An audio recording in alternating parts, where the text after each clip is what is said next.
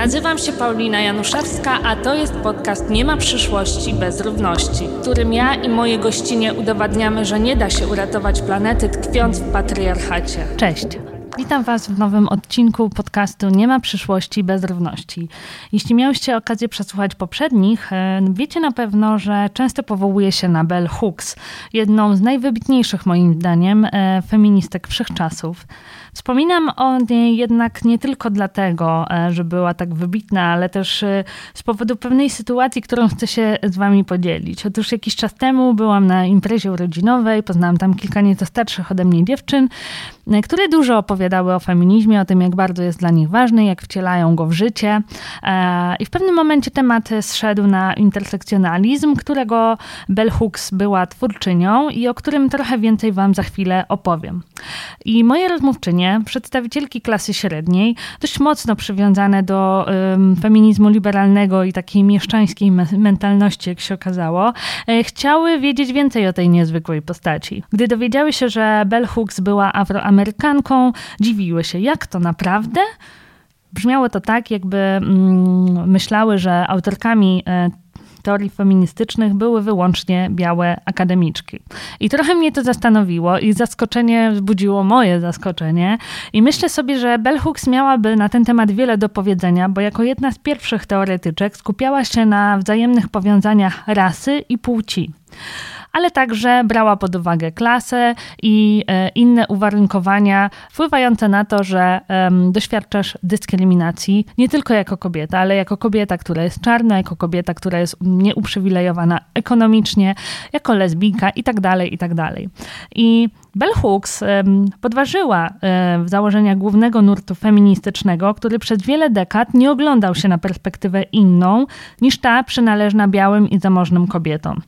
E, jak pokazały moje doświadczenia, i dziś feminizm rozumiany jest właśnie w taki sposób. Zresztą, jak otworzycie kolorowe magazyny czy telewizję, to jednak dominuje w niej właśnie głos e, kobiet em, zamożnych, akademiczek, dziennikarek, czyli kobiet, które mm, nadają pewien e, rys feminizmowi, e, taki bardzo teoretyczny, wielkomiejski i tak dalej. Oczywiście to się zmienia, za chwilę powiem jak, e, ale tutaj przytoczę fragment książki Bell Hooks, która Moim zdaniem jest jedną z najważniejszych, e, które mnie osobiście ukształtowały.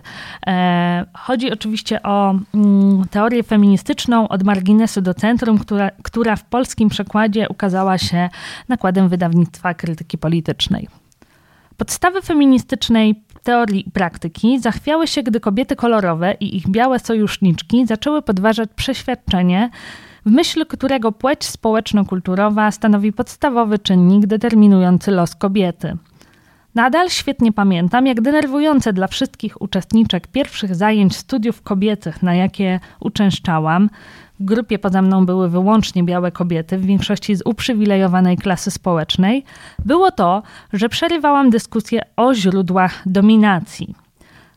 W tej dyskusji twierdzono, że czynnikiem najważniejszym po przyjściu na świat dziecka jest płeć. Twierdziłam, że kiedy rodzi się dziecko czarnych rodziców, czynnikiem, który jest brany pod uwagę jako pierwszy, jest kolor skóry. I dopiero potem płeć społeczno-kulturowa, gdyż to rasa i płeć będą determinowały życie tego dziecka. Dostrzeżenie wzajemnie powiązanej natury płci społeczno-kulturowej, rasy i klasy zmieniło kierunek myśli feministycznej. O tym właśnie Bell Hooks pisze w swojej książce i raz jeszcze polecam Wam bardzo tę lekturę, bo pozwala spojrzeć na walkę o równość jak na złożony proces, w którym z jednej strony dyskryminacja ma wiele różnych źródeł, ale z drugiej różnorodność osób zaangażowanych w walkę z opresją stanowi siłę cału, całego ruchu społecznego, jakim jest e, feminizm, jakim być powinien.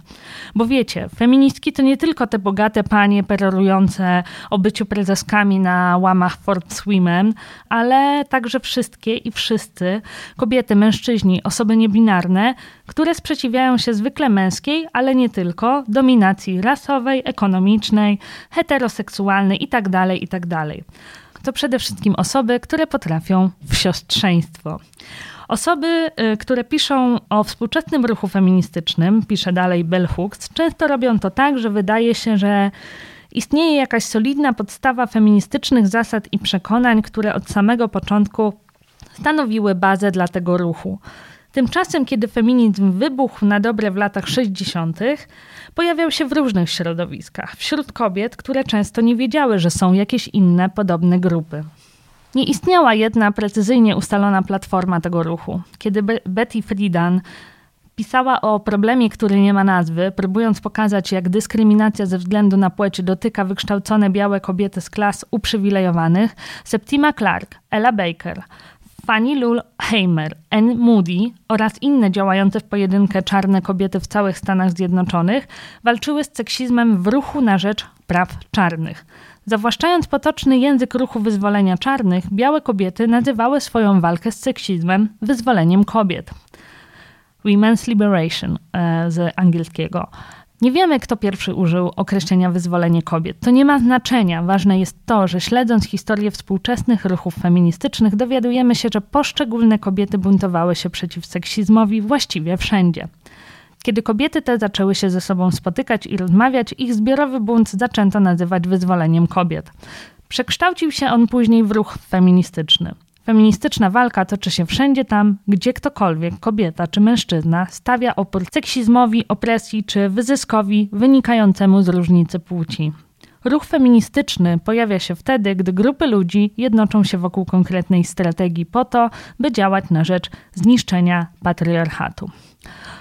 I tyle bell hooks, ale my znajdujemy się w Polsce, być może w takim społeczeństwie, które e, ma nieco inne problemy niż te, z którymi zmagała się e, Bell Hooks. E, I jesteście z pewnością ciekawi, e, jak, jak to wygląda nad Wisłą, a jeśli nie, to może zaciekawi Was lektura nie tylko książki Bell Hooks, ale tym razem raportu Funduszu Feministycznego, organizacji, która od kilku lat wzmacnia aktywizm feministyczny w Polsce. Oczywiście mowa o opublikowanym w 2022 roku raporcie zatytułowanym Jest opresja, jest opór, z którego wyczytujemy między innymi, że nierówności płci to zjawisko powszechne, obecne w życiu właściwie każdej dziewczynki, kobiety i osoby LGBT w Polsce. Dlatego różne osoby w bardzo różnych miejscach aktywizują się feministycznie w tym samym czasie. Okazuje się, że feminizm nie jest jedynie zjawiskiem wielkomiejskim, lecz wydarza się również z dala od centrum. Mamy do czynienia z dużą autonomią setek różnych inicjatyw i współistnieniem różnorodnych działań w ramach szerokiego ruchu. Ważnym elementem współczesnej rzeczywistości jest feministyczne przyspieszenie. Wszyscy znamy protesty kobiet i osób przeciwko prawu antyaborcyjnemu w obronie praw osób LGBT i tak. Osoby zaangażowane w feministyczny aktywizm interpretują obecny moment jako czas przedrewolucyjny, czas politycznej zmiany. Od 2018 roku Fundusz Feministyczny nieprzerwanie wspiera działania realizowane przez kobiety, dziewczyny oraz osoby niebinarne, trans, queer i interpłciowe z całej Polski. Dokłada się finansowo do tych inicjatyw, które zmieniają świat w taki sposób, by każda z nas mogła decydować o sobie, była wolna i bezpieczna. Tak mówią o sobie przedstawicielki Funduszu Feministycznego i zwracają uwagę e, już teraz, nie w 2022 roku, kiedy wyszedł raport, ale już e, po 15 października 2023 roku, że rzeczywiście nadeszła pewna zmiana, zmiana polityczna, która może być szansą na to, żeby e, prawa kobiet były w pełni respektowane. Czy tak się stanie? Jest listopad 2023 roku. Bardzo czekałyśmy na ten moment. Czy po ostatnich wyborach parlamentarnych kobiety w końcu przestaną być prześladowane przez władzę i zaczną być słuchane? Czy na pełne nadziei usłysz nas wrzucone do urny 15 października odpowiedź zabrzmi w końcu Słyszymy Was? Od 27 listopada Fundusz Feministyczny rozpoczął kampanię zatytułowaną Słyszymy Was, której pokazuje, jak intersekcjonalizm i siostrzeństwo realizuje się w praktyce. Więcej o tej akcji e, porozmawiam z przedstawicielkami Funduszu Feministycznego, z Gosią Leszko i Justyną Frydrych, które są ze mną w studiu. Dzień dobry, cześć. Cześć, dzień cześć. dobry. Dzień dobry. To ja zanim e, spytam Was o samą kampanię, to wrócę jeszcze do e, raportu z 2022 roku, bo to bardzo ważna lektura. Zresztą e, powoływałam się na nią już we wstępie tego odcinka i zacytuję go. Kobiety są główną grupą odpowiadającą na kolejne kryzysy epidemię COVID-19, kryzys na granicy polsko-białoruskiej, kryzys humanitarny związany z agresją Rosji na Ukrainę. E, aktywizm feministyczny w dużej mierze skupia się na podstawowych kwestiach przeżycia. Opiece, wsparciu emocjonalnym, ochronie przed przemocą, dostarczeniu pożywienia, pomocy medycznej, przekazywaniu ważnych informacji. Dbanie o życie innych prowadzi do ogromnego fizycznego przemęczenia i wypalenia emocjonalnego. W takich warunkach prawdziwym wyzwaniem staje się realizacja feministycznych postulatów na poziomie instytucjonalnym i w polityce. To jeden z głównych wniosków e, płynących z przygotowanego e, przez Fundusz Feministyczny i zaprezentowanego w ubiegłym roku raportu Jest opresja, jest opór. I spotykamy się dzisiaj w zupełnie innej rzeczywistości politycznej e, po wyborach parlamentarnych, które mają zwiastować zmiany. Na razie jednak od polityków słyszymy różne niepokojące komunikaty i też wygląd rządu zwiastuje tego przyszłego nowego, e, że jednak będą tam dominować mężczyźni. Zresztą w składzie parlamentu e, też jest ich więcej. E, no i zastanawiam się, jak wy patrzycie na tę nową rzeczywistość, czy z nadzieją, bo jednak wiemy, że przez ostatnie 8 lat było trudno, było ciężko i też Fundusz Feministyczny odpowiadał na te wszystkie luki, które się wtedy pojawiły, albo które po prostu się wzmocniły przez lata zaniedbań. Czy może jednak macie zdanie takie, jak jedna z waszych grantobiorczyń i rozmówczyń, która występuje w samym raporcie i która mówi tak. Niespecjalnie dla mnie ma znaczenie, która partia akurat sprawuje rządy. Moje władze miasta są liberalne, uczestniczą w manifestacjach, ale kiedy przychodzi do finansowania działań skierowanych do kobiet, to znika. Mam poczucie, że jesteśmy hamsko, obrzydliwie wykorzystywane przez każdą ze stron sporu politycznego. Każda ze stron próbuje kobietami pozałatwiać interesy. E, dzięki Paulina za przywołanie naszego raportu. E, my rzeczywiście odwołujemy się tam do takiego doświadczenia, do takiej rzeczywistości politycznej, społecznej ostatnich ośmiu lat. Powiedziałaś już też o kolejnych kryzysach, na które odpowiada ruch feministyczny, na które odpowiadają kobiety e, i osoby. I tak myślę sobie, e, wspomniałaś tę wypowiedź, e, myślę, że my mamy po prostu prawo tak się czuć. Mamy prawo być zmęczone, mamy prawo być sfrustrowane, mamy prawo być wkurzone bo przez te ostatnie lata mm, żyłyśmy, żyjemy w ciągłym stresie, w takim poczuciu dużej odpowiedzialności za coś, co powinno leżeć jednak w gestii państwa i instytucji. E, też żyjemy w poczuciu ogromnego zagrożenia mm, i właściwie mnie taka reakcja na, ta, na mm, takie słowa mnie zupełnie nie dziwią. E, one są jakimś wynikiem dużego rozczarowania polityką, ale mm, myślę sobie, że nie tylko taką polityką rozumianą jako politykę parlamentarną, ale też taką politycznością doświadczaną na co dzień, czyli na przykład e, e, polity- działaniami albo właśnie e, biernością władz, która skutkuje właśnie brakiem dostępu do różnych usług, brakiem infrastruktury, lekceważeniem przemocy, lekceważeniem potrzeb różnych osób w trudnych sytuacjach. E, I, I, jakoś e, mam takie poczucie, że po prostu te słowa są o tym. E, czy obudziłyśmy się w lepszej rzeczywistości? Szczerze mówiąc, nie wiem. Na pewno obudziłyśmy się z jakąś nadzieją. Hmm. Ja myślę, że w ogóle dla mnie chyba takim słowem, które jest mi bliższe niż nadzieja, jest ulga chyba, bo ulga jest jednak o tym takim możliwości wzięcia oddechu. I naprawdę e, te ostatnie 8 lat to było, myślę, dla wielu osób, które się angażują w aktywizm feministyczny, ale też w ogóle w działania społeczne, e, no to był po prostu taki maraton bez chwili zatrzymania i e, praca, która myślę, że przekraczała po prostu granice ludzkich możliwości bardzo często. Bardzo często to były te same osoby, które odpowiadały na te wszystkie kryzysy, o których ty wspomniałaś. I to był też taki po prostu moment, myślę, spełnienia tego hasła, że Polska jest jednym wielkim NGO-sem, to bym dodała jeszcze i kolektywem, bo często to były też działania zupełnie niesformalizowanych grup, które robiły to nieodpłatnie albo na bar bardzo niskopłatnie, e, często też angażują swoje własne środki. I, mm, I często jeszcze w dodatku właśnie w poczuciu, że nie tylko zastępują państwo, które jakoś abdykowało i właśnie tworzą zupełnie nową, alternatywną rzeczywistość społeczną, która dostarcza, tak jak ty wspomniałaś Justyna, mhm. podstawowe usługi, nie wiem, medyczne, związane też, tu się też nie pojawiło to, ale to też chodzi o dostęp do tabletki dzień po, do aborcji, też takich e, e, wsparcie osób queerowych e, w tranzycji, pomocy psychologicznej, czyli też takie kryzysy, które, się, które dotyczą poszczególnych grup społecznych, które państwo właściwie to wszystko, co miało do zaoferowania, to była przemoc. E, I e, to wszystko, na to wszystko czynnik dało takie poczucie zagrożenia ze względu na represje też mm, służb, no te osoby, które nie wiem, na przykład były na granicy polsko-białoruskiej, to, to wiedzą. Więc myślę, że ten moment taki, że jednak, że faktycznie ta rzeczywistość być może E, uda się spotkać te dwie rzeczywistości na nowo. Rzeczywistość państwa, które w ogóle się właśnie wycofało ze swoich podstawowych zadań społecznych i taką rzeczywistość aktywistyczną.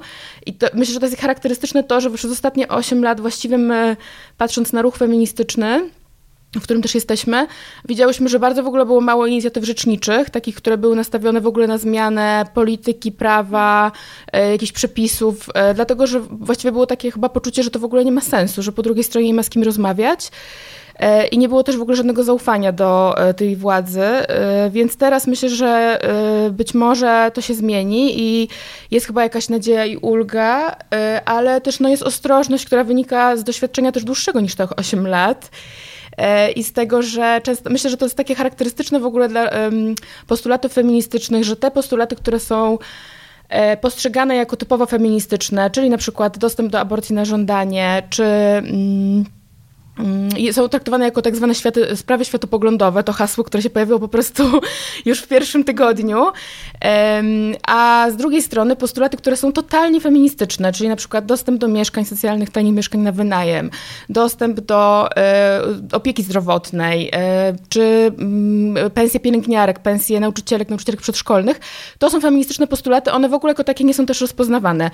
I jakoś, no, patrząc na obecny skład rządu, rzeczywiście po prostu prostu czujemy, my czujemy, że to nie do końca daje możliwość, czy, czy nie do końca mamy takie przekonanie, że te postulaty się uda w tej tym składzie e, rządu zrealizować, mm, ale myślę, że ruch po, prostu, ruch feministyczny też jest do tego przyzwyczajony i po prostu widzi też swój wpływ nie tylko w tym obszarze polityki, czyli że, e, znaczy polityki partyjnej, nie tylko w wpływaniu na, na władzę, ale też e, w wpływaniu na opinię publiczną, w takim budowaniu właśnie też trochę właśnie jednak tego własnego systemu. Myślę, że po prostu to jest też taki ruch, który mm, naprawdę mm, przez ten ostatnie 8 lat też się bardzo mocno zsieciował bardzo mocno e, te kryzysy, mobilizacje jednak e, trochę też zmuszały po prostu do nawiązywania partnerstw, do szukania sojusznictwa i jakoś mi się wydaje, że mimo, że jest ogromne zmęczenie, to w jakimś sensie ten ruch też jest jednak silniejszy teraz, więc mam nadzieję, że po prostu będziemy mogły też wywierać wpływ na, e, i na ten rząd, i szerzej na społeczeństwo, które też ten rząd wybrało.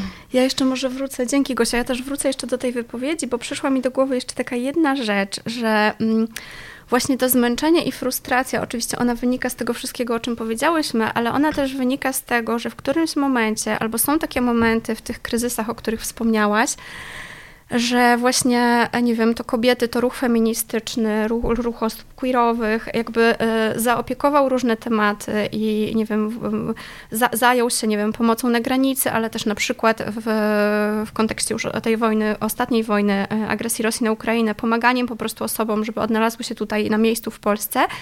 I to ten dorobek, ten wysiłek został zawłaszczony przez państwo. I to jest też jakaś frustracja, to znaczy e, to, to, to jest też wynikiem, przyczyną takiej frustracji, bo właściwie e, moje zmęczenie i mój jakby mój wysiłek został teraz wykorzystany przez państwo, które jest opresyjne, bierne, nieudolne w swoich działaniach, a jednak jakby przejęło, e, przejęło to, co ja z siebie daję, tak?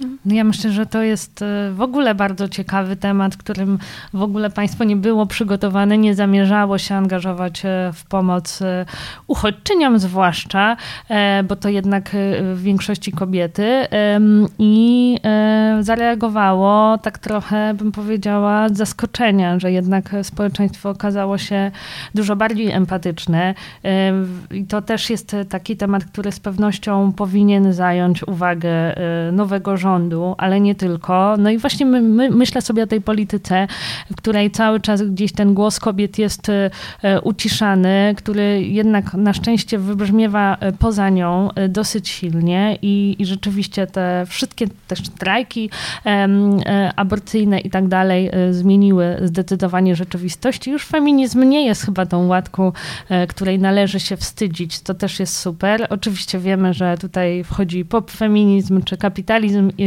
monetyzujący tę ideę, e, niekoniecznie walczący o równość, ale rzeczywiście, rzeczywiście widać zmiany. Ja was zapytam właśnie e, o to mm, uciszanie, bo wasza kampania mówi słyszymy was, czyli trochę odpowiada na to wołanie usłyszcie nas, które w spocie opublikowanym 27 listopada w sieci no wybrzmiewa jak modlitwa, czyli usłyszcie nas, zaczyna się zresztą sceną, w której e, mamy spotkanie byłych zakonnic. E, no i oczywiście e, złośliwa adwokatka diabła we mnie myśli sobie, no ale jak to, czemu konwencja tutaj kościelna, katolicka, skoro to Kościół jest największym opresorem Polek w tym kraju. Co byście jej na to odpowiedziały, tej adwokatce diabła? Na, pewno byśmy się zgodziły, tak. Kościół jest jednym z największych opresorów, e, jest bardzo hierarchiczną, przemocową instytucją. E, I przyznam, że same miałyśmy różne wątpliwości, e, rozważając w ogóle tę konwencję, skorzystanie z tej konwencji i też dyskutowałyśmy o tym dużo. Sam pomysł mocno ewoluował. E, na pewno dużą, dużą inspiracją dla nas była e, historia jednej z grantobiorczyń, Centrum Pomocy Siostrom Zakonnym, z, którą nawiązałyśmy, z którym nawiązałyśmy współpracę chyba w tym roku, wydaje mi się, więc e, jesteśmy w takim dość intensywnym, świeżym kontakcie. To jest instytucja, która wspiera byłe siostry zakonne, wspiera zarówno emocjonalnie, jak i też po prostu pomaga im po opuszczaniu instytucji kościelnych. No właśnie, więc to była dla nas duża inspiracja i ta scena zresztą takiej grupy wsparcia byłych sióstr zakonnych otwiera zresztą nas, nasz spot. Mm, ja od razu też powiem, że nam bardzo, bardzo pilnowałyśmy się, bo nie chciałyśmy po prostu wykorzystać tej konwencji w taki instrumentalny sposób, więc konsultowałyśmy to z grupą, czy rzeczywiście dla niej jest to ok i czy według grupy właśnie taki pomysł, żeby właśnie mm, stworzyć ten przekaz na bazie modlitwy, rzeczywiście wzmocni po prostu ten taki antyprzemocowy jednak przekaz. E, I właśnie ja może tak tylko, nie wiem ile, ile osób widziało spod, ile nie, ale ten charakterystyczny właśnie taki błagalny e, dla modlitwy ton mamy bardziej na początku, w pierwszej części. Tam rzeczywiście padają takie słowa od przemocy wybaw nas, przed bezsilnością, uchroń nas, strachu oszczędź nam. I to jest... E, to jest też jakaś wizja świata, której chcemy, do której dążymy, czyli świata bez przemocy, bez, e, bez strachu, bez lęku. E, no, przedstawiona rzeczywiście w takiej błagalnej formie. Natomiast później przechodzimy do takiej bardziej, przechodzimy do żądań, do postulatów, później e, lektorka, narratorka wypowiada e, słowa uznaj nasze decyzje, zobacz nas, usłysz nas, wysłuchaj nas, więc jakby odzyskuje też pewną sprawczość tutaj, domaga się czegoś i, i właśnie na tym nam też zależało, żeby ta modlitwa przechodziła po prostu w, w postulaty, w żądania. My też rozmawiałyśmy między sobą o tym, że modlitwa jest też taką formą wyrażania nadziei, tak, tak? myślę, że dodam jeszcze tylko może do tego, co powiedziałaś, że dla nas Centrum Pomocy Siostrom Zakonnym też było, jest taką bardzo ważną grupą, bo ono też pokazuje w rozmowach z założycielką tego centrum, z Izą, wiele razy rozmawiałyśmy o takim podwójnym wykluczeniu, czyli o tym, że z jednej strony osoby z doświadczeniem życia zakonnego, bo też część, część z tych osób jeszcze pozostaje w zgromadzeniach, nie zawsze to są osoby, które z nich wyszły, i często są to osoby nadal wierzące, że często one doświadczają z jednej strony bardzo dużej przemocy w instytucji, w której funkcjonują lub funkcjonowały, a z drugiej strony niezrozumienia w ruchu feministycznym i w ogóle w takich progresywnych środowiskach, jak to w ogóle się ma do jakiegoś e, postulatów feministycznych i czy to, czy to w ogóle jest nasz temat, tak to nazwę. E, I myślę, że to pokazuje bardzo często właśnie nasze usytuowanie jako organizacji, chyba że dla nas po prostu kluczowe jest właśnie E, wspieranie, praca, dostrzeganie i słyszenie tych grup, które z różnych powodów jakby trochę w tym mainstreamie się jakoś nie mieszczą albo nie są wystarczająco mocno zauważane. I Dlatego chyba też to była dla nas taka ważna grupa do, we współpracy, że myślę, że też my się bardzo dużo od tej grupy nauczyłyśmy. A jeszcze dodam rzeczywiście do tej modlitwy, że to rzeczywiście, bo tak, no jest to jakoś trochę przewrotne, myślę. A dla mnie rzeczywiście to jest tak, że modlitwa jest też o jakiejś nadziei na to, że jest możliwy jakiś lepszy świat i to po prostu tym podmiotem, do którego to marzenie jakoś kierujemy e, w, w ruchu. Myślę, że w ruchu feministycznym jest bardzo dużo nadziei, bo, bo nadzieja na zmianę jest czymś, co nas napędza, że po prostu kierujemy go do siebie, do siebie nawzajem, ten głos tak naprawdę, e, że to my jesteśmy dla siebie wsparciem, to my to my nawzajem możemy się słyszeć i, i tak chyba też postrzegamy Femfund po prostu jako organizację, która jest właśnie w ruchu, jest częścią tego ruchu. E, jesteśmy na równi z tymi grupami, które wspieramy. No myślę, że to też pokazuje te połączenia, które warto budować e, sojusznicze. E, no właśnie, ale nie tylko były siostry zakonne występują w tym spocie. E, od razu powiem naszym słuchaczkom, że link do spotu znajdziecie w opisie tego odcinka i zachęcam, bo warto. Mnie bardzo poruszył, nie ukrywam. I wcale łatwo się nie wzruszam, więc, więc to jest zupełnie szczera rekomendacja.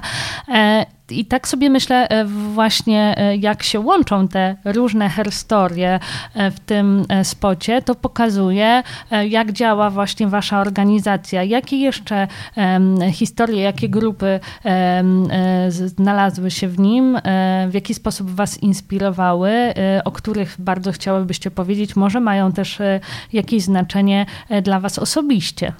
Mhm. E, no tak, rzeczywiście w spocie e, mamy kilka różnych scen, natomiast my do tej pory jako fundusz wsparłyśmy e, aż już 183 różne inicjatywy feministyczne. Przekazałyśmy ponad 250 grantów, więc całkiem sporo. Starałyśmy się te Miliony na feminizm. 4 miliony na feminizm. E, starałyśmy się, starałyśmy się właśnie pokazać tę różnorodność w spocie, a jednocześnie wiedziałyśmy, że będzie to mało możliwe w takim e, po prostu 90-sekundowym e, spocie. No więc, no więc tak, rzeczywiście mm, ch chciałyśmy też pokazać, że mm, w tym spocie spotykają się bardzo różne grupy, bardzo różne właściwie w funduszu spotykają się i spotkały się w spocie bardzo różne organizacje. E, rzeczywiście możemy zobaczyć Centrum Pomocy Siostrom Zakonnym, które było taką bardzo bezpośrednią inspiracją. Mamy jedną, znaczy współpracujemy z jedną organizacją, która właśnie zajmuje się byłymi siostrami zakonnymi. Natomiast e, zobaczycie w spocie też inne sceny. Na przykład są sceny bardzo mocno inspirowane działaniami kół gospodyń wiejskich, E, które, które organizują, nie wiem, na przykład warsztaty samoobrony, asertywności, wzmacniające różnego rodzaju warsztaty, takie działania z obszaru e, ochrony zdrowia. I nawet jedno z kół gospodyń wiejskich z Dobrzycy, Dobrzyczanki, wystąpiło e, w spocie. Zaprosiłyśmy do, do tej sceny właśnie samoobro- warsztatów samoobrony Elżbietę, Mieczysławę, Bożenę i Grażynę z Dobrzycy. E, I one właściwie odegrały scenę, która, której nie musiały do końca odgrywać, bo rzeczywiście zrealizowały to działanie po prostu u siebie. E, ale też chciałyśmy pokazać, że fundusz jest bardzo otwarty i wspiera dużo grup queerowych, dużo grup e, zajmujących się społecznością LGBT.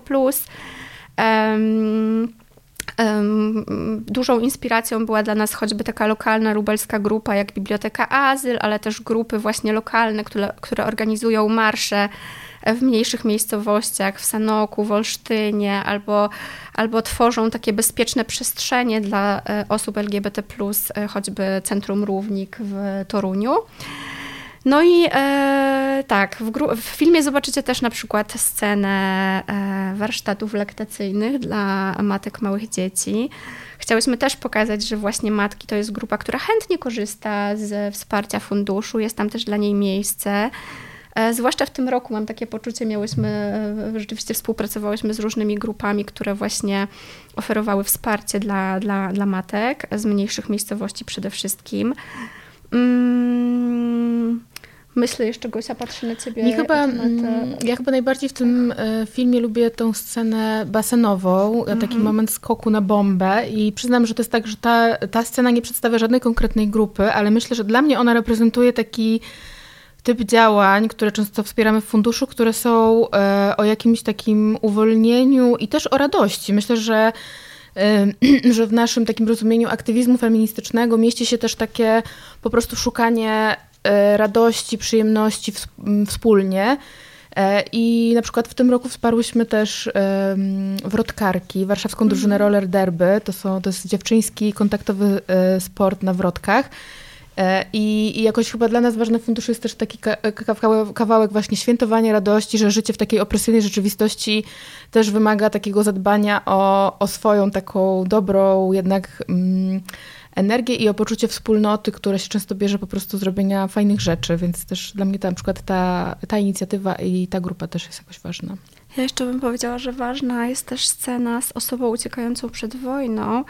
I ona jest, myślę, ważna też e, tak e, dla, dla nas, dla, dla mnie osobiście na pewno, bo nawiązuje też do jakiegoś takiego wysiłku, który podejmowały różne organizacje, które nie zajmują się na co dzień jednak pomocą humanitarną i odpowiadaniem właśnie na tego typu kryzysy. I też my też byłyśmy w takiej sytuacji, zdecydowałyśmy się po agresji Rosji na Ukrainę uruchomić e, taki specjalny fundusz wspierający po prostu osoby aktywistyczne, które e, pomagają zwłaszcza grupom właśnie szczególnie narażonym na przemoc w tej sytuacji, czyli na przykład osobom romskim, osobom z niepełnosprawnościami, osobom czarnym. E, no i właśnie ta scena ewakuacji odwołuje się też do pracy tych wszystkich grup ale też do, e, do wysiłku podejmowanego przez e, grupy nieformalne, przez liczne kolektywy, które zawiązywały się wtedy w tamtym kontekście, właśnie w tym celu. Mm, jedną z takich grup, które wsparłyśmy, były choćby kobiety za kółko, które właśnie jeździły, czy organizowały transporty na granicę i mm, przewoziły tam e, pomoc humanitarną, ale też organizowały ewakuację. Tak, to, to, to była też odpowiedź na takie obawy osób uchodźczych, uchodźczyń, które po prostu często w momencie przekroczenia granicy nie miały możliwości, nie miały własnego transportu jakby i no, stawały w takiej sytuacji, że na przykład wsiadały z zupełnie obcymi osobami do samochodu i to często były po prostu osoby wolontariackie, wolontariusze, E, no ale to budziło też poczucie zagrożenia, że nie wiadomo jak ta sytuacja się potoczy dalej, e, więc to była też taka forma właśnie takiego siostrzanego wsparcia. I, i myślę, że takich przykładów rzeczywiście właśnie zupełnie, zupełnie nieformalnych, oddolnych grup, e, które się po prostu skrzyknęły, żeby coś robić w tym momencie w 2022 roku było naprawdę bardzo dużo. No myślę, że to też pokazuje właśnie, mm, tak jak zapowiedziałam, jak działa intersekcjonalizm w praktyce. Z jednej strony mamy różnorodność grup, która odzwierciedla też e, różnorodne źródła e, opresji czy problemów, też różnorodność e, zajęć, które organizują wasze grantobiorczynie, emocji, którymi się opiekują, potrzeb, którymi się opiekują. To są często bardzo nieoczywiste metody wcielania feminizmu w życie i one też, wydaje mi się, tak jak Bell Hooks, trochę w sposób radykalny i zupełnie inny niż to, co proponował mainstream, E, mówiła o feminizmie, e, to tak trochę e, wydaje mi się i tutaj to wygląda. I trochę też tak feminizm działa generalnie w Polsce, pewnie nie tylko tam, ale, ale mówimy akurat o tym naszym kontekście lokalnym. I to też wypływa z waszego raportu, że to nie jest tak, że dziś taki, no jakąś powiedzmy sobie główną narrację tworzą akademiczki czy wielkomiejskie feministki, tylko feminizm dzieje się wszędzie. E, w różnych formach, e, bardzo właśnie czasami niespodziewanych. A jak wy e, myślicie o tym intersekcjonalizmie, co wam w, może w teorii bell hooks, ale generalnie w tym pojęciu jest najbliższe? Myślę, że my w ogóle w funduszu oczywiście się odwołujemy jakoś do tego pojęcia i mm, tej tradycji feminizmu intersekcjonalnego, ale myślę, że może takim słowem, który jest bliżej takiej emocji i też może po prostu jest bardziej zrozumiałe, mniej akademickie, jest po prostu solidarność, czyli mm, tak naprawdę y, zrozumienie tego, że mm, żeby być y, jednym ruchem feministycznym, to mm, potrzebujemy takiego przyjęcia, że różne, każda z nas, każda osoba doświadcza przemocy mm, patriarchatu inaczej, w zależności od tego, jaką ma sytuację, jakie ma doświadczenie, jakie ma też inne tożsamości.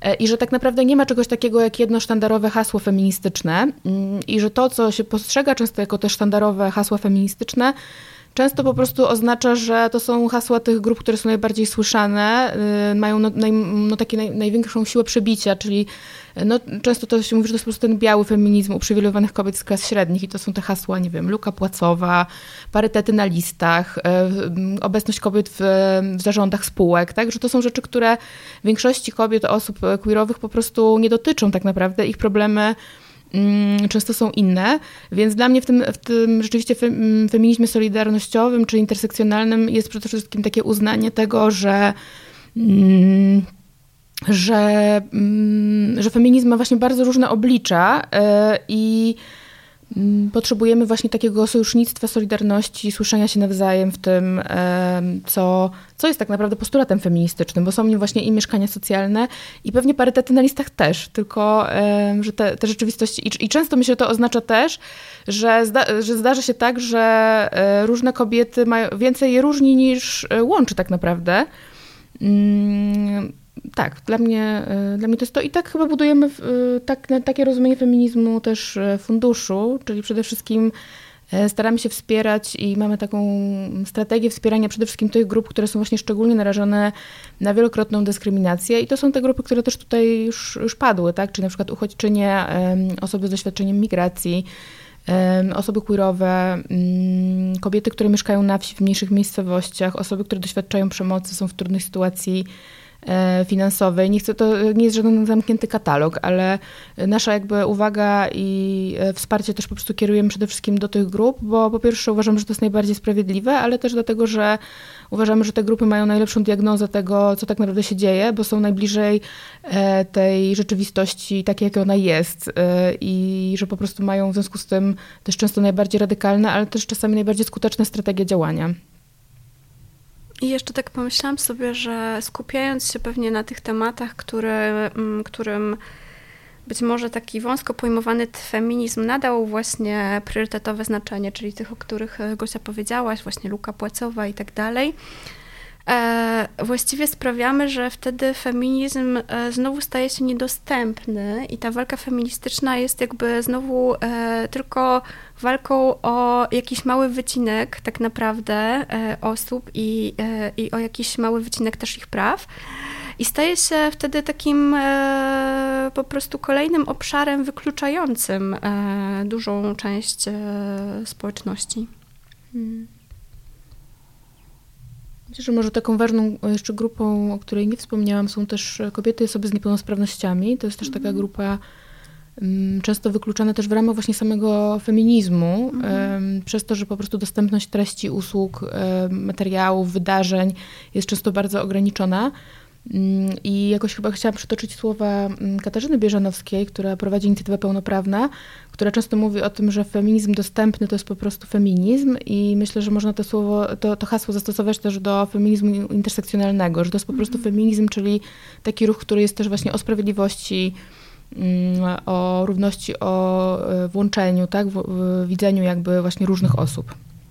Dlatego też e, wasz spot jest tłumaczony na polski język migowy, co warto tutaj e, dodać.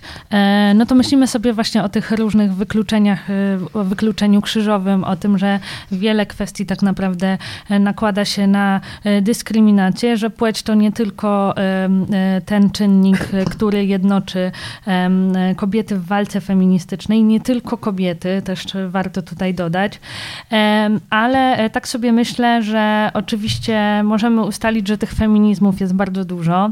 E, I tutaj powołałam się na tekst Alicji Urbanik-Kopeć, e, która pisze o tym, że, że mamy feminizm queerowy, ekofeministyczny, mistyczny. No możemy ich wymieniać naprawdę dużo. Czasami one po prostu nie mają nazwy e, i też nie jest ważne, żeby je nadawać. Ale jednocześnie tak sobie myślę, że i to właśnie pisze autorka, że z jednej strony to jest bardzo e, pocieszające, że jest ich tak wiele, ale z drugiej, i tutaj e, cytat, widać dobitnie, że kobiety to po prostu połowa społeczeństwa we wszystkich jego odcieniach i że bez ich praw nie ma sprawiedliwej rzeczywistości. Ale z drugiej strony czuję zmęczenie. Czy każdy i najbardziej każda powinien, powinna walczyć o wszystko, zajmować się globalnym ociepleniem, uchodźczyniami, nielegalnymi eksmisjami, prawami reprodukcyjnymi, edukacją równościową, tak samo i naraz? Czy nie jest tak, że to znowu kobiety, tym razem w aktywizmie, biorą na siebie całe zło i niesprawiedliwość tego świata, by w imię intersekcjonalizmu performować znowu te same tradycyjne kobiece cechy, czyli empatię i opiekuńczość? Hmm. Jakbyście odpowiedziały na te wątpliwości? Ja myślę sobie, że z jednej strony rozumiem to, o czym pisze Alicja Urbanik-Kopeć, o czym mówi, mm, bo rzeczywiście to zmęczenie jest jak najbardziej uzasadnione. To takie życie właśnie w nakładających się opresjach, w przemocy, w kryzysach, reagowanie na kryzysy jest po prostu e, no, frustrujące, męczące.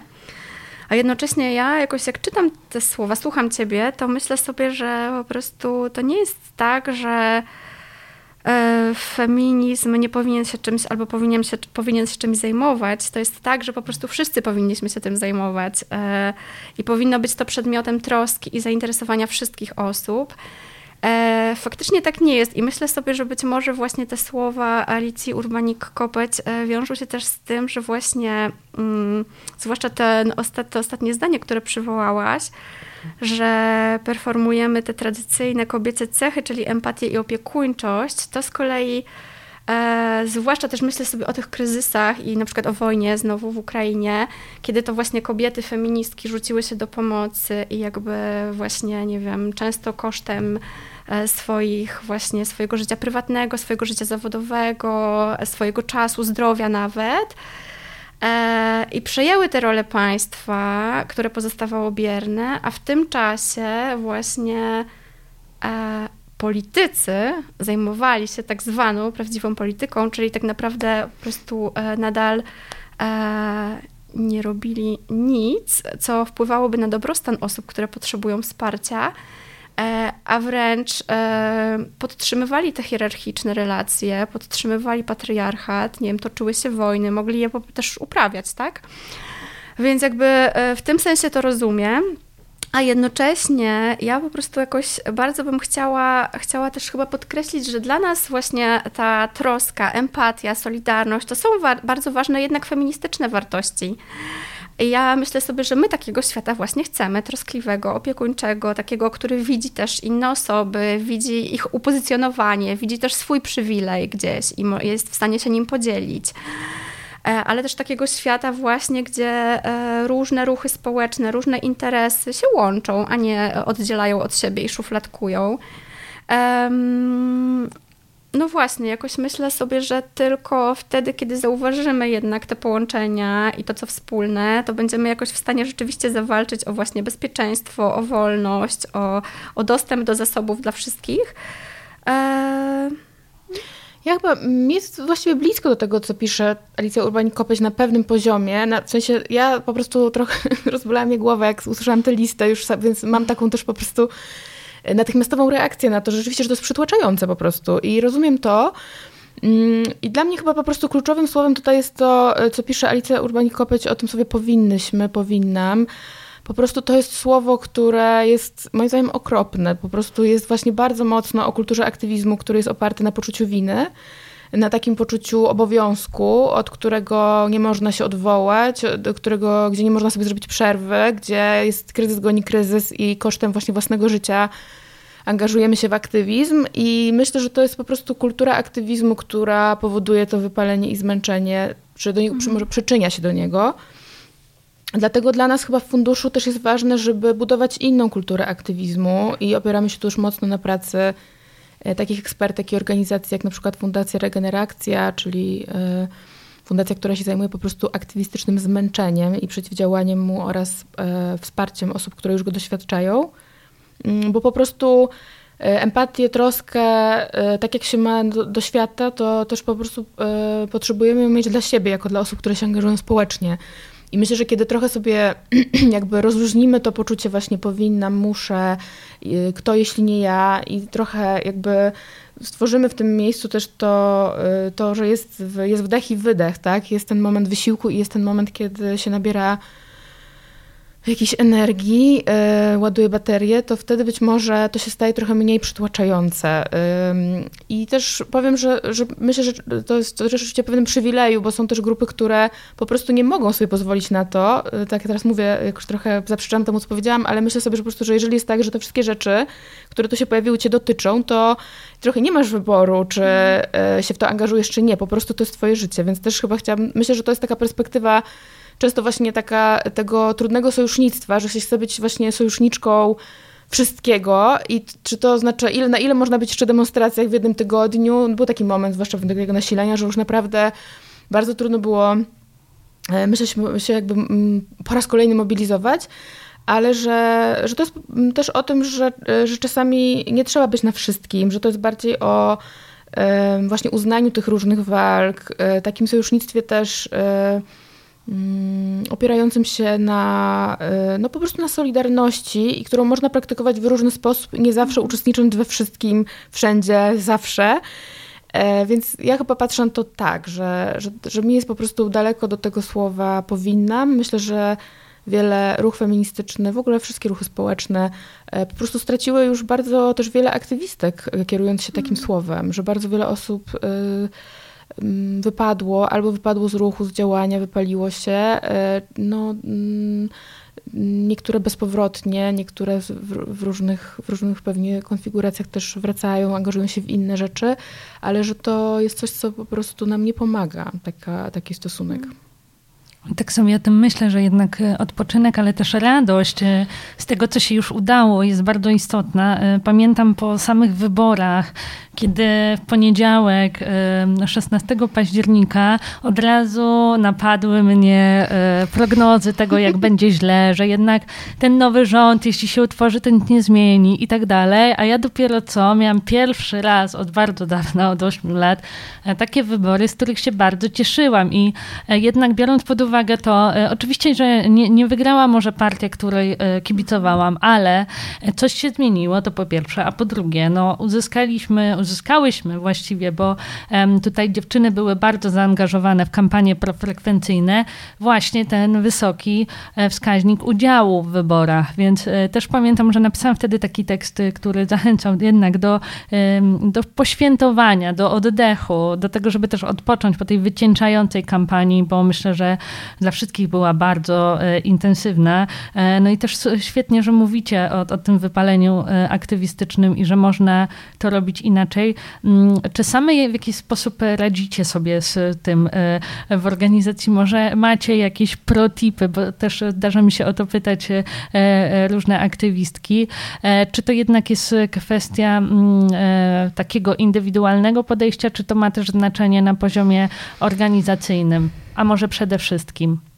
No myślę, że to jest bardzo, bardzo często taka kultura mm, wypalenia jest o nakładających się E, tych perspektywach, czyli że z jednej strony często osoby, które się angażują w aktywizm po prostu mają swojej takiej konstrukcji w tym, co myślą, jak myślą o świecie, w przekonaniach właśnie o tym, że muszę, powinnam, bardzo mocny taki kawałek, który jakby sprzyja wypaleniu i organizacje, które tworzą, budują też kultury organizacyjne, które temu sprzyjają, czyli to, ja, mi się wydaje, że za mało mówimy o tych systemowych czynnikach wypalenia i na poziomie kultury organizacji, czyli na poziomie tego, mm, to się zaczyna od takich prostych rzeczy jak e, po prostu pensje, wynagrodzenia, taki no, dostęp do, mm, do, do, po prostu do, do, do pieniędzy, bo często osoby, które, mówię o osobach, które pracują w organizacjach, bo oczywiście taki aktywizm pozaformalny często opiera się zupełnie na nieodpłatnym zaangażowaniu, ale że jednak dużo organizacji pozarządowych e, bardzo ma taką kulturę poświęcania się.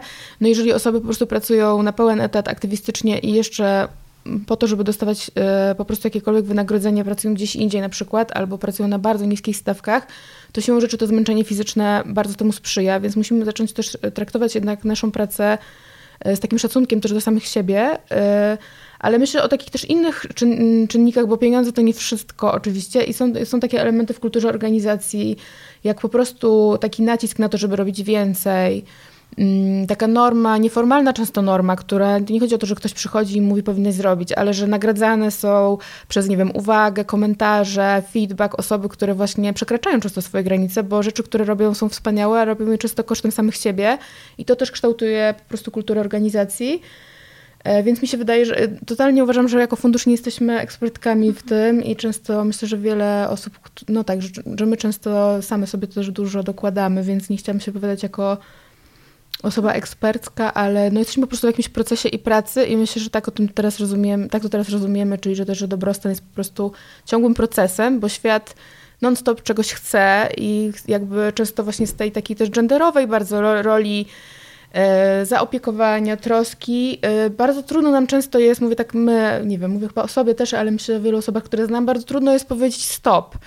E, my już dalej nie damy rady, to nie jest nasza rola, to nie jest nasze zadanie. Musimy jakoś ogospodarować naszą energią w taki sposób, żeby jej starczyło tam, gdzie czujemy, że mamy największy wpływ, największą rolę do odegrania. Nie możemy robić e, wszystkiego. Tak, ja jeszcze może tak powiem e, o sobie już ze swojej perspektywy, że jakoś tak staram się mocno ostatnio przyglądać też temu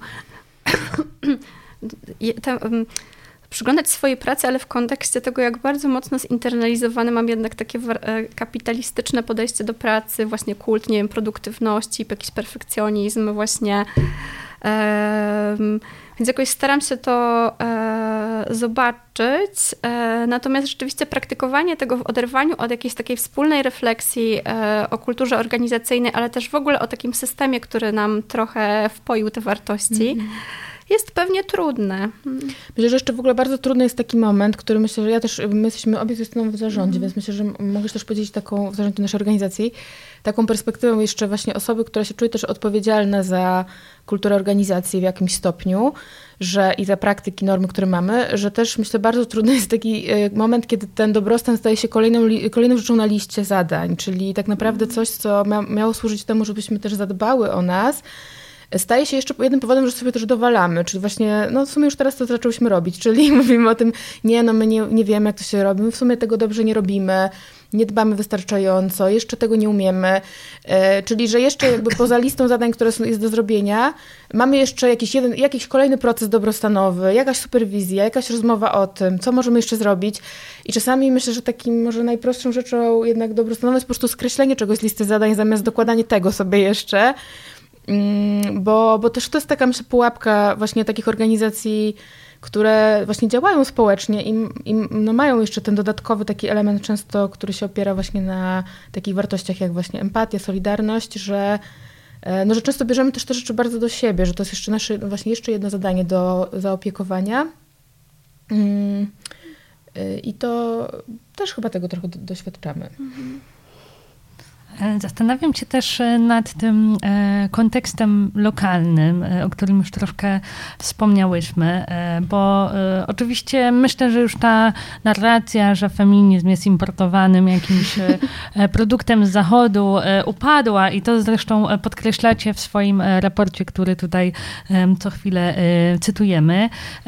Ale właśnie na czym polega specyfika być może, jeżeli jesteście w stanie w ogóle to określić, polskiego feminizmu feminizmu, tego, z którym macie do czynienia. Oczywiście wiemy, że to nie jest monolit, ale, e, ale może są jakieś cechy szczególnie ważne i szczególnie istotne w kontekście e, jakiejś takiej rozmowy e, międzynarodowej, bo jednak chociażby wojna w Ukrainie uświadomiła nam to, jak bardzo westplaining wchodzi w różne obszary naszego życia i być może ten feminizm zachodni, który gdzieś tam, nie wiem, w latach 90. czy na początku obecnego wieku próbowałyśmy wcielać, no on nie do końca odpowiada tej szerokości geograficznej, po prostu temu e, kontekstowi kulturowemu.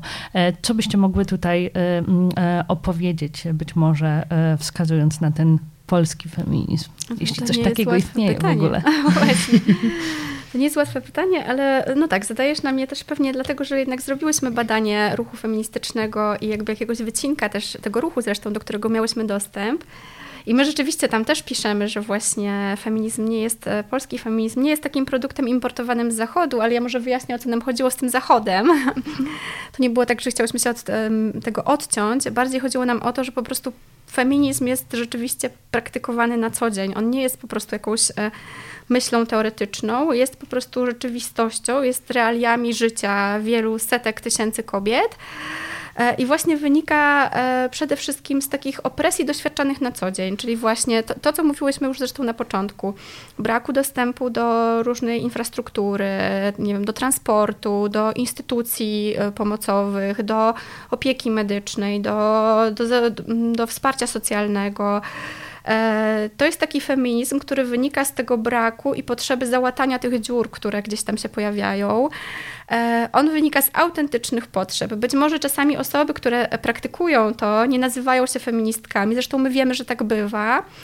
Natomiast to, co robią, e, jest w rzeczy samej bardzo feministyczne, jest czasem też bardzo mocno rewolucyjne. My chciałyśmy chyba pokazać, że właśnie feminizm, e, polski feminizm może być rozumiany, być może też przez Zachód, który obserwuje jakby przez społeczeństwa, obserwuje jakby to, co się dzieje w Polsce, właśnie autorytarne rządy, e, nie wiem, na przykład manifestacje proaborcyjne, może rozumieć e, ruch feministyczny w Polsce jako ten, który właśnie wychodzi na ulicę i zajmuje się tylko prawami praw reprodukcyjnych i aborcji, natomiast tak nie jest e, w rzeczywistości. Polski feminizm też, to jest też feminizm, który dzieje się w małych miejscowościach, w bardzo małych społecznościach, E, praktykowany jest przez bardzo różnorodne grupy osób, przez, e, nie, nie wiem, matki osób z niepełnosprawnościami, przez uchodźczynie, przez osoby queerowe, bardzo, bardzo różnorodne osoby, które właśnie e, no, ze względu na przemoc, ze względu na, na te luki, o których wspomniałam, tak, czuję potrzeby działania. Myślę, że może ważne jest to, że właśnie chyba często mm, no, myślimy o feminizmie rzeczywiście jakoś takim ruchu bardziej, że to są e, dziennikarki, osoby na akademii, tak? Raczej i, i rzeczywiście często się chyba odwołujemy do, myślę, że tak jest rozumiane, tak, jest, tak są rozumiane feministki, jak e, powiedzmy większość osób słyszy to słowo. I chyba dla nas ważny, ważny jest ten taki kawałek, że po prostu... Mm, ten feminizm taki właśnie zachodni, że to nie jest tak, że ktoś przeczytał właśnie Bell Hooks i wtedy zazwyczaj, myślę, że takie jest po prostu w naszym doświadczeniu osób, które się angażują, że to, to nie jest ta iskra, że oczywiście to jest wspaniałe, um, Bell Hooks jest wspaniała, ale chodzi po prostu o to, że często to jest bliższe takiemu bezpośredniemu doświadczeniu i po prostu osoby, które się angażują często nie zastanawiają się nad tym, czy one się teraz wpisują w drugą falę, czy w trzecią falę i czy są bliższe temu, czy temu, że to jest taka, to chyba nawet nie wiem, czy to pada, pada mm, dosłownie w tym raporcie, jeżeli tak, ale wydaje mi się, że na pewno padało w naszych jakichś takich rozmowach, e, że to jest rodzima opresja i rodzimy opór, czyli po prostu bardzo lokalne doświadczenia, które powodują, bardzo, wywołują bardzo lokalną reakcję, która jest dostosowana po prostu do tego, co się dzieje. Cała ta diagnoza, strategia działania wynikają bezpośrednio z takiego własnego doświadczenia mm, tego, że się jest na przykład właśnie kobietą, która mieszka na wsi E, i na przykład nie ma autobusu, który, który mogłaby pojechać do ginekologa, ponieważ po prostu ten autobus został zlikwidowany i wtedy osoby się organizują, to jest przykład Słukowiczanek, i po prostu zapraszają ginekolożkę do siebie. Więc e, myślę, że to, to nam przyświecało. I ja chyba bym się nie podjęła mm, mówienia tego, jaki jest polski feminizm. Na pewno mogę powiedzieć, że My raczej doświadczamy w ruchu feministycznym y, jednak solidarności też takiej międzynarodowej i to jest dla nas też bardzo ważne i często przez te ostatnich y, sześć lat, od kiedy chyba istnieje fundusz, y, to jest coś, co nas bardzo też podnosiło na duchu. Myślę, że w takich momentach jednak poczucie beznadziei, takie poczucie, że my jesteśmy częścią jakiejś większej galaktyki feministycznej, że to jest taki planetarny feminizm, który nie, nie chcę mówić globalny, właśnie jest takie dziwne słowo, ale właśnie taki, który obejmuje całą planetę, to to jest coś, co nam daje dużo, mm, dużo poczucia wsparcia i takiej siły. I na pewno zauważyłyśmy takie różnice, które po prostu wynikają z różnicy doświadczeń, czyli tego jednak doświadczenia transformacji ustrojowej, jako czegoś, co, mm, co jakoś w tym naszym regionie gdzieś pewnie pracuje inaczej po prostu niż często w, e, w jakichś e, społecznościach zachodnich. I na pewno zobaczyłyśmy ten kawałek związany z wojną w Ukrainie, że tylko właśnie to dla mnie, ja, my tego nie doświadczyłyśmy chyba w ruchu e, feministycznym, w którym my jesteśmy osadzone międzynarodowym, czyli przede wszystkim we współpracy z innymi funduszami kobiecymi feministycznymi. Ale wiemy, że wiele osób bardziej tak w opinii publicznej e, po prostu na przykład miało wątpliwości, dlaczego ruch feministyczny w Ukrainie angażuje się w wojnę.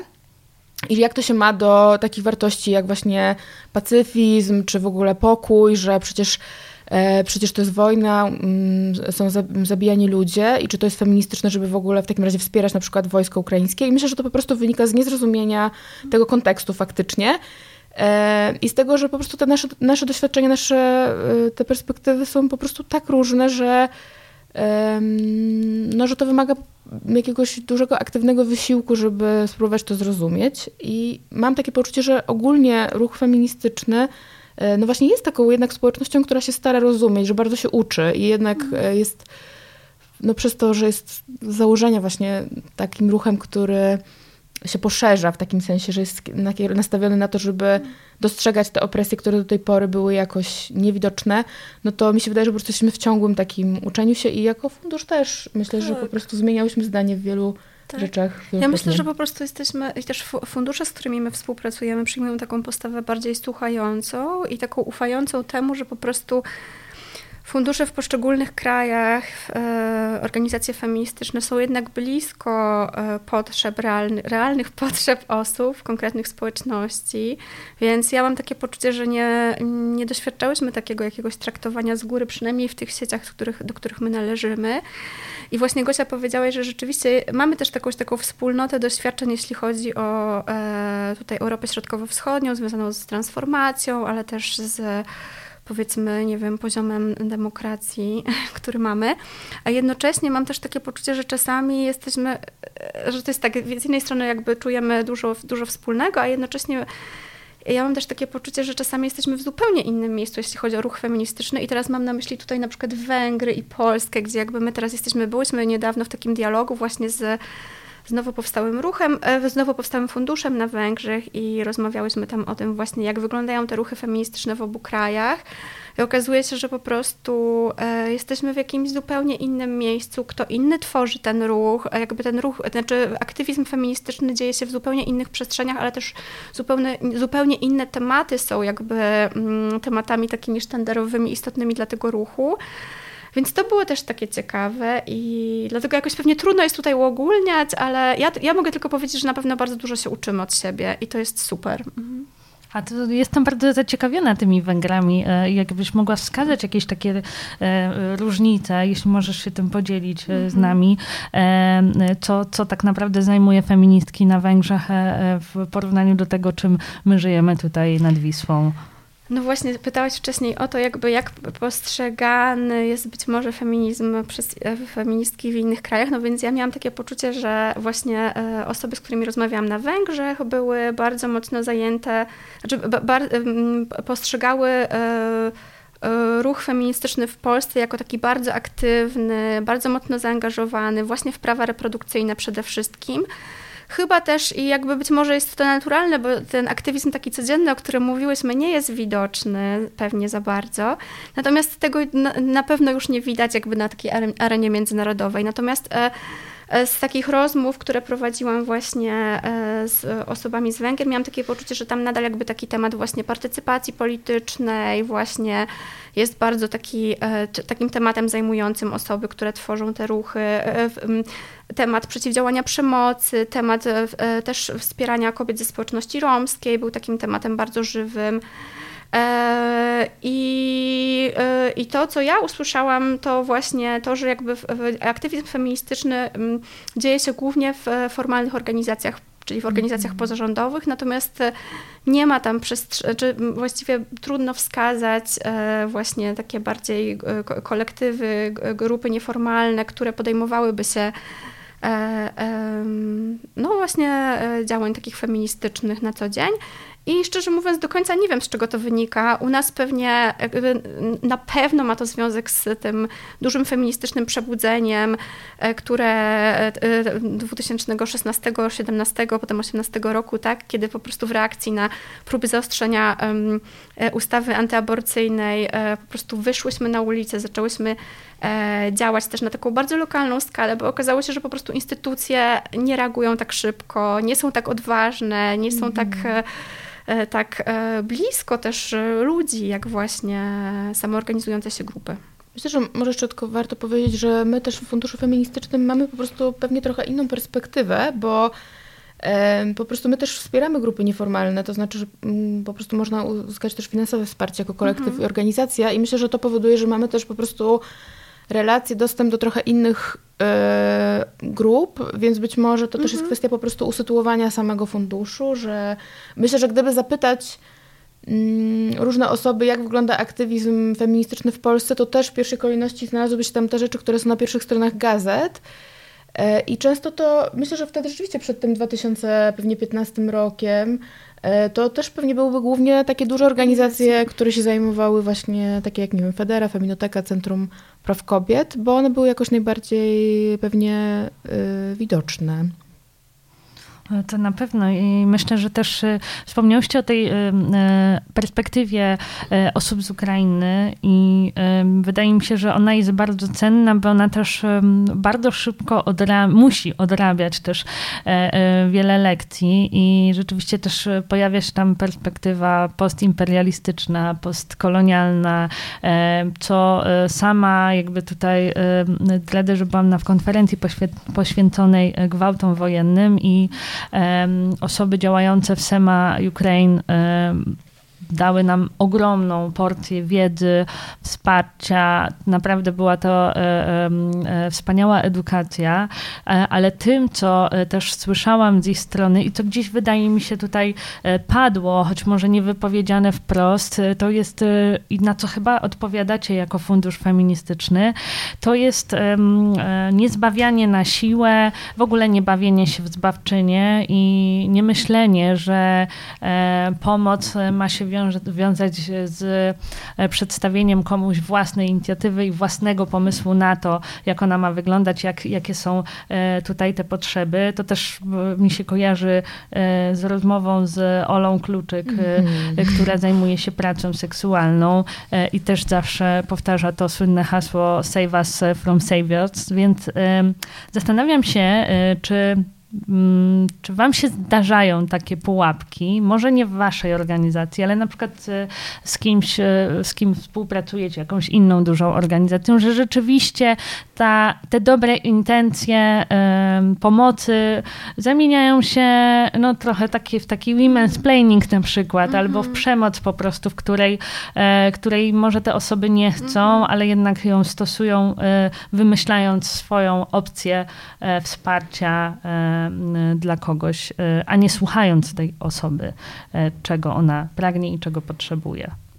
Dzięki, że się odwołałeś do tych słów. E, dla mnie, myślę, że one dla nas są bardzo ważne. Rzeczywiście nasza strategia, myślę, że nasza strategia w jakimś stopniu odpowiada na to, bo my po prostu przede wszystkim wspieramy grupy, które są prowadzone przez osoby, które należą do grup, które wspierają, czyli są jakby grupami oddolnymi w takim najprostszym rozumieniu, że działają na rzecz własnych społeczności i to jest jakby dla nas super, super ważne, bo no tak jak powiedziałaś, że to po prostu powoduje, że wierzymy w to, że ta diagnoza i propozycje rozwiązań wypływają naprawdę z takiego głębokiego zrozumienia, że osoby są ekspertkami, osobami eksperckimi w kwestiach swojego własnego życia po prostu, wiedzą najlepiej.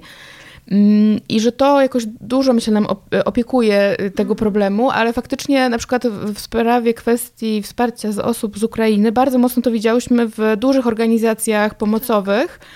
Organizacje, które my wspierałyśmy, to były właśnie bardzo często małe organizacje, czasami wręcz kolektywy, które w ogóle nigdy, nigdy by się nie znalazły na radarze organizacji międzynarodowych, humanitarnych, bo po prostu nie miały mm, tej takiej mm, no jak to się mówi, tego capacity takiego, żeby przyjąć taki duży grant, możliwości.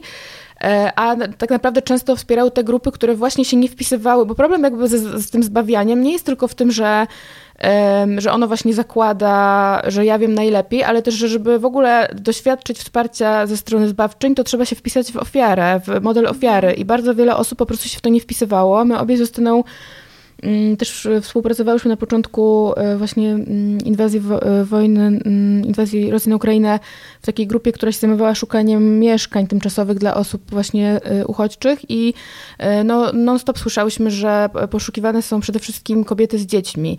Każdy chciał, żeby nocowały u niego kobiety z dziećmi, no i niestety większość osób, które przyjechała, no częściowo to były pojedyncze kobiety z dziećmi, ale często to były rodziny, to były na przykład rodziny romskie, też osoby Mm, czarne, które e, też mieszkały w Ukrainie i dla nich po prostu one się w tej narracji po prostu nie mieściły.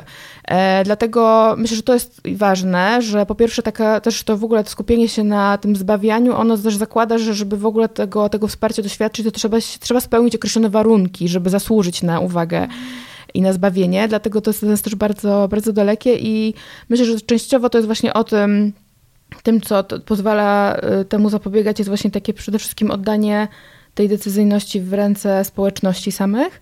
I w funduszu u nas to też działa tak, że po prostu mamy tak zwany partycypacyjny wybór grantów, czyli że osoby, które aplikują o granty, też podejmują decyzje, które grupy je dostają. I mamy poczucie, że to jest coś, co właśnie powoduje, że my trochę mm, możemy e, zaufać temu, że właśnie społeczność wie lepiej często i że, że osoby mogą podejmować te decyzje y, same, że to one mają te ten wpływ. Ale faktycznie, tak. nie wiem, może jest Ja jeszcze, mhm. ja jeszcze pomyślałam, że być może to, co robimy jeszcze e, i co rzeczywiście jakoś e, mm, pozwala nam być może uniknąć tej pułapki, której nie da się moim, moim zdaniem całkowicie uniknąć, to jest na pewno taka próba dotarcia jednak do e, osób e, właśnie, które są jednak na marginesie ruchu feministycznego, które e, na przykład też mówią innym językiem, więc nie wiem, my też po prostu staramy się dotrzeć do osób ze społeczności ukraińskiej, tłumacząc swoje materiały na język ukraiński, na język rosyjski, nie wiem, staramy się tłumaczyć materiały na polski język migowy, mm, bo tylko wtedy e, osoby, które, e, tylko wtedy te osoby będą w stanie rzeczywiście jakby odpowiedzieć na ten call, na to, na to zaproszenie, tak, do dołączenia do społeczności. Mm, przepraszam, bo właśnie, bo właśnie kierujemy się do nich ich też własnym językiem. Jakoś myślę sobie, że to jest taka dodatkowa rzecz, ten tak, tak zwany outreach. E, I jeszcze tak sobie pomyślałam, jak Ciebie słuchałam, Paulina, mm -hmm. że ba mhm. bardzo się cieszę, że właśnie przywołałaś temat e, pracy seksualnej i osób pracujących seksualnie, bo to jest oczywiście też taka grupa, która się podpisuje pod tymi słowami Save Us From Saviors. I my wspieramy właśnie osoby pracujące seksualnie i ich prawo do samostanowienia, do decydowania o sobie. E, a jednocześnie jest to takie przykre, że mimo po prostu właśnie, nie wiem, rewolucji obyczajowych i na świecie, jakiegoś rozwoju myśli feministycznej, e, no jakby te osoby pracujące seksualnie nadal są e, oceniane, nadal są stygmatyzowane, nadal są ustawiane w jakichś rolach, prawda? Właśnie to, co ty Gosia powiedziałaś, e, że dost, jakby dostaną wsparcie pod warunkiem, że wpiszą się w ten jakby właśnie model ofiary. Eee, no właśnie, więc, mm. więc jakoś to jest też w tym kontekście dla nas bardzo ważna grupa. Ehm... Ja bym jeszcze chyba powiedziała, bo też pomyślałam, że tak mówimy o sobie rzeczywiście trochę tak, jakbyśmy w ogóle nie wpadały w tę pułapkę, a jednak mm. myślę, że wpadamy. wpadamy I chyba się chciałam powołać na przykład też taki. Mm. Ja mhm. pamiętam, że mogę chyba podać y, nazwę tej organizacji, że miałyśmy, współpracujemy z Fundacją Pasjodzielnia, która jest fundacją tworzoną przez kobiety mieszkające w Wiązownicy Kolonii, to jest wieś w województwie świętokrzyskim. I one dostały nas minigrant chyba w 2020 roku i później wnioskowały o przedłużenie tego minigrantu i tę decyzję podejmował taki wspólny panel. Tam były osoby z zespołu funduszu, z rady konsultacyjnej i ze społeczności grantobiorczyń. I ta grupa nie dostała tego przedłużenia, bo wydawało nam się wtedy wspólnie, też byłam w tym panelu, że y, te działania, które grupa proponowała, były jakby takie trochę mało feministyczne. E, czyli, że trochę właśnie nie wpisały się w to, co my sobie wyobrażałyśmy, że jest tym feminizmem, mimo że na co dzień nam się wydaje, że mamy bardzo otwarte rozumienie, ale to nam się wydawało, że to jest ta, taka już grupa, która proponuje nam trzyletnią współpracę, pisze wniosek, że te działania są takie E, no takie właśnie, że być może każda, być może wcale one nie muszą być finansowane z funduszu feministycznego, że to są wartościowe rzeczy, ale to są jakieś tam spotkania, że, że to są też działania takie, gdzie są też, skierowane są również i do kobiet, i do mężczyzn, to też jest często funduszu jednak większość tych działań jest skierowanych do kobiet i osób queerowych, transpłciowych. I po prostu e, zakomunikowałyśmy te decyzje, miałyśmy taki proces odwołań i po prostu spotkałyśmy się z tą grupą na rozmowę i one zmieniły nam nasze zdanie po prostu i nam przekonały, że po prostu nasze rozumienie tego, co jest feministyczne, jest jednak też osadzone w rzeczywistości naszej, takiej, którą w większości tworzą osoby mieszkające w mieście, które być może nam się wydawało właśnie, że to, czego najbardziej potrzebują te osoby, no to jest właśnie tego, żeby się spotykać też w swoim mhm. gronie, a mm, jednak jakoś Wiola wtedy z Igosia z Fundacji Posadzielnia nas po prostu przekonały, że, że ważne jest to, że, że ci mężczyźni też się tam pojawiają, bo oni też to widzą, że oni też trochę, mm, ich obecność też e, powoduje, że trochę sami się uczą być może czegoś innego, są mm, jakby wystawieni na to oddziaływanie, ale też, że często, no, że jednak e, skierowanie czegoś do samych kobiet też powoduje, że na przykład niektóre to osoby po prostu nie przyjdą w ogóle kobiety, E, a że jak przyjdą na jakieś otwarte wydarzenie, gdzie przychodzą też rodzinami, to potem na przykład łatwiej jest już, już im przyjść na to spotkanie dedykowane tylko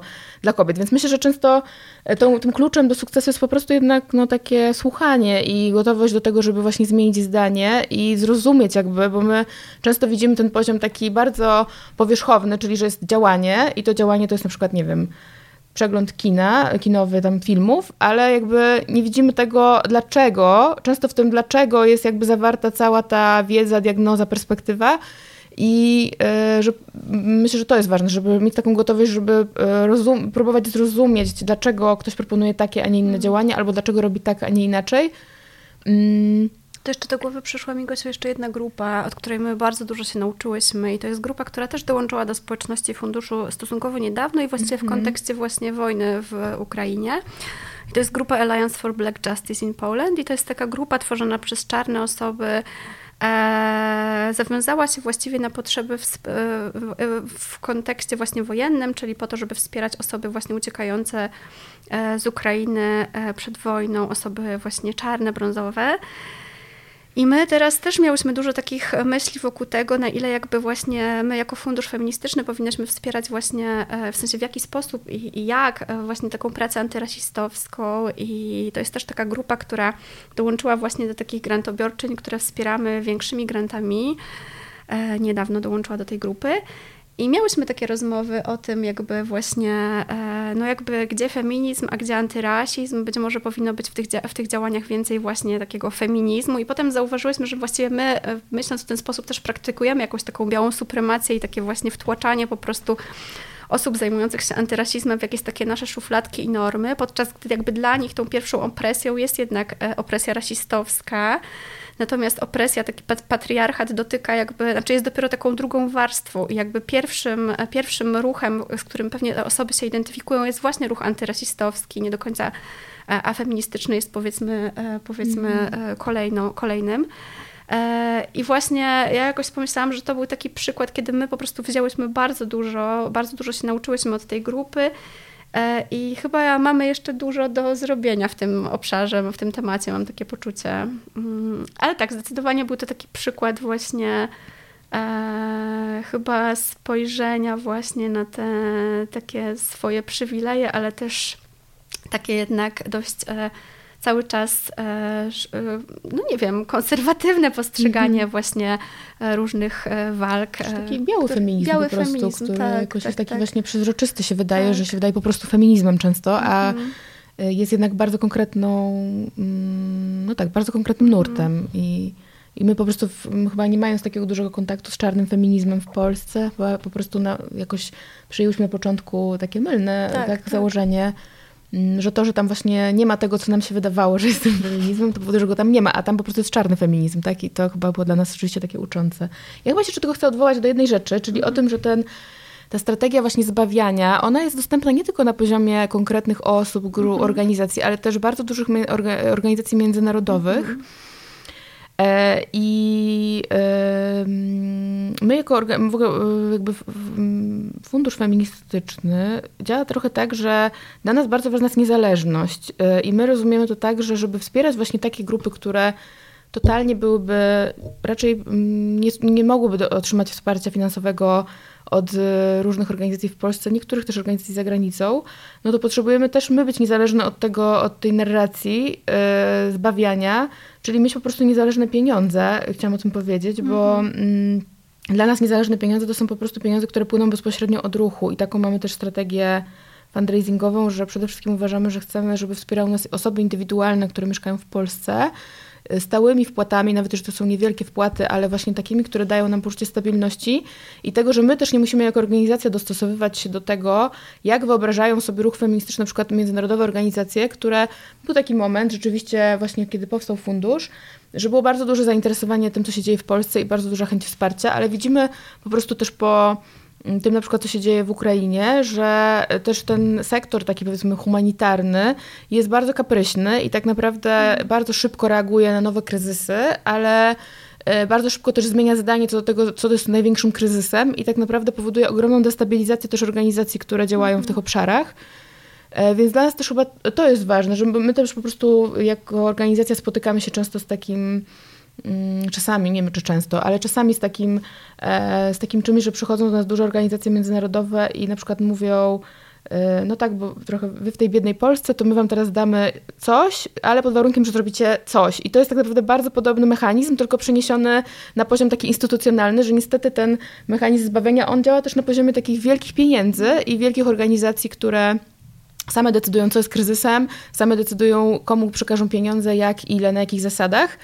E, I my po prostu chcemy być też niezależne od tego, dlatego też chyba y, chcemy o tym powiedzieć, bo można oczywiście korzystać z działań funduszu, e, aplikując o granty, ale można też się do niego po prostu e, przykładać jak do takiej wspólnej skarbonki, która jest wspólną skarbonką ruchu feministycznego, z której można brać i do której można też wkładać. To może jeszcze, skoro powiedziałaś o tej skarbonce, to ja tylko dodam, że właśnie bardzo nam zależy na tym, żeby, e, żeby fundusz był finansowany, samofinansowany też przez ruch feministyczny, przez osoby, które są nam bliskie, jeśli chodzi o wartości sojusznicze, przez osoby, które korzystały wcześniej z grantów albo, nie wiem, aplikowały o nie, ale jeszcze nie skorzystały. E, I zależy nam też na tym, żeby to była właśnie tak, żeby to były takie pieniądze niezależne, nie pieniądze, które przeznaczamy na, nie wiem, konkretną pomoc, nie ratujemy kogoś, nie pokazujemy konkretnej historii albo konkretnej potrzeby, bo zależy nam na takim też przekazywaniu tej kasy w takim zaufaniu jednak. I zaufanie jest tutaj bardzo moim zdaniem kluczowym terminem. Po to, żeby później te same grupy mogły decydować o tym, jak te pieniądze wydadzą. Więc to też jest jakoś, staramy się też prowadzić taką, nie wiem, edukację, może, może mhm. edukację, tak, e, na razie na małą skalę, ale taki, taką właśnie o tym, jak robić grantodawanie bez tych takich właśnie nakładek e, tradycyjnych, które znamy do tej pory, takiej właśnie, nie wiem, właśnie kierowania pieniędzy na konkretną osobę, kierowania kasy na, na zaspokojenie konkretnej potrzeby i, te, i, i, i i takie właśnie, taką narrację, że właśnie ratujemy, e, ratujemy kogoś. Albo też taką narrację z kolei inwestycji, bo moim tak. zdaniem to też się czasem pojawia w filantropii, właśnie w działaniach takich mhm. społecznych, że to teraz jak zapłacisz 20 zł, to dzięki temu odbędzie się to. I to jest mhm. tak naprawdę tylko przełożenie takiego kapitalistycznego podejścia, że teraz kupuję to, podczas kiedy często nasze doświadczenie z działań społecznych jest takie, że naprawdę może zdarzyć się wszystko i bardzo często się okazuje w trakcie, że właśnie działania, które zostały wymyślone, nie odpowiadają na to, co się dzieje, mhm. sytuacja się zmienia.